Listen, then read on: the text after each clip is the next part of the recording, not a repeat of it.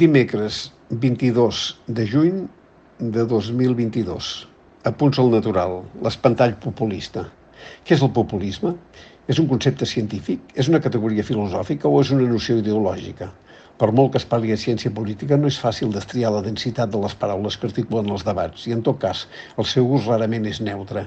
L'espai que separa el terme identificatiu de l'etiqueta que assenyala l'adversari és molt estret i això és el que passa amb el populisme convertit en coartada recurrent en el debat polític actual i peça essencial de la pugna identitària. És rar un partit que s'autoproclami populista. Curiosament, un dels que més s'hi aproxima és el PP, Partit Popular, que precisament fa de la lluita contra un sector del populisme el que s'associa a l'esquerra, evidentment, una de les seves raons de ser, encara que quan cal festegi sense escrúpols amb els assenyalats com populistes de dretes. Hem d'entendre tanmateix que populisme és una categoria científica que ens ajuda a comprendre el que són els partits i organitzacions que reben aquesta etiqueta, encara que no els hi agradi. Em sembla que és una nominació fruit de l'estadi actual de votació de les organitzacions polítiques i que, per tant, és una categoria marcada per aquesta transformació que la converteix en instrument de batalla. Durant molt de temps, des d'Europa, el terme populisme servia per identificar fenòmens llatinoamericans de capdillisme d'apel·lació popular, com foren els casos de Perón en Argentina, Vargas al Brasil i Cárdenas a Mèxic, i així s'hi han anat identificant temes autoritaris que acabarien derivant cap al neoliberalisme, exemple Menem o Fujimori, fins a les formes de populisme radical Chávez, Morales, Correa. Al voltant d'aquests darrers fenòmens es va anar configurant mm, certa doctrina del populisme d'esquerres, exemple a la clau, en el que alguns, els fundadors de Podem, van voler-hi trobar legitimitat pel seu projecte quan Europa entrava en fase de canvi després de la crisi neoliberal de 2008.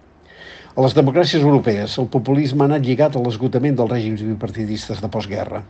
Un moment significatiu és la irrupció de Jean-Marie Le Pen a França, que va dur a l'extrema dreta per primera vegada a la segona volta de les eleccions presidencials contra Jacques Chirac. Des de llavors, el populisme d'extrema dreta no ha deixat de fer forat a mesura que els règims entraven en fase de mutació, com quan Itàlia perd la dialèctica entre la democràcia cristiana i el PCI que va articular el postfeixisme.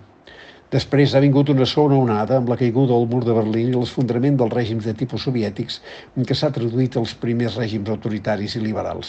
I simultàniament s'han anat desenvolupant mobilitzacions a l'esquerra dels partits socialistes, com l'espanyol, que han passat del carrer al poder a un ritme accelerat amb una experiència prou interessant com la majoria plural que ara trotolla. El resultat de tot plegat ha estat la multiplicació de partits als parlaments europeus que fa més complexa la governança. Podríem dir en primera instància que la crisi dels bipartidismes clàssics, que alguns encara s'havien ressuscitar, com hem vist després de les eleccions andaluses, els partits tradicionals els hi pot semblar útil una categoria que desqualifiqui una part dels seus adversaris, assenyalant-los com deslleials destructors del règim democràtic. Un ús de la paraula populisme que fa una injusta amalgama, posant els dos costats en el mateix pla, el neofeixisme i l'extrema esquerra, i al·ludeix la qüestió central, que és massa incòmoda perquè va a les arrels dels problemes de governança. La formularé d'aquesta manera.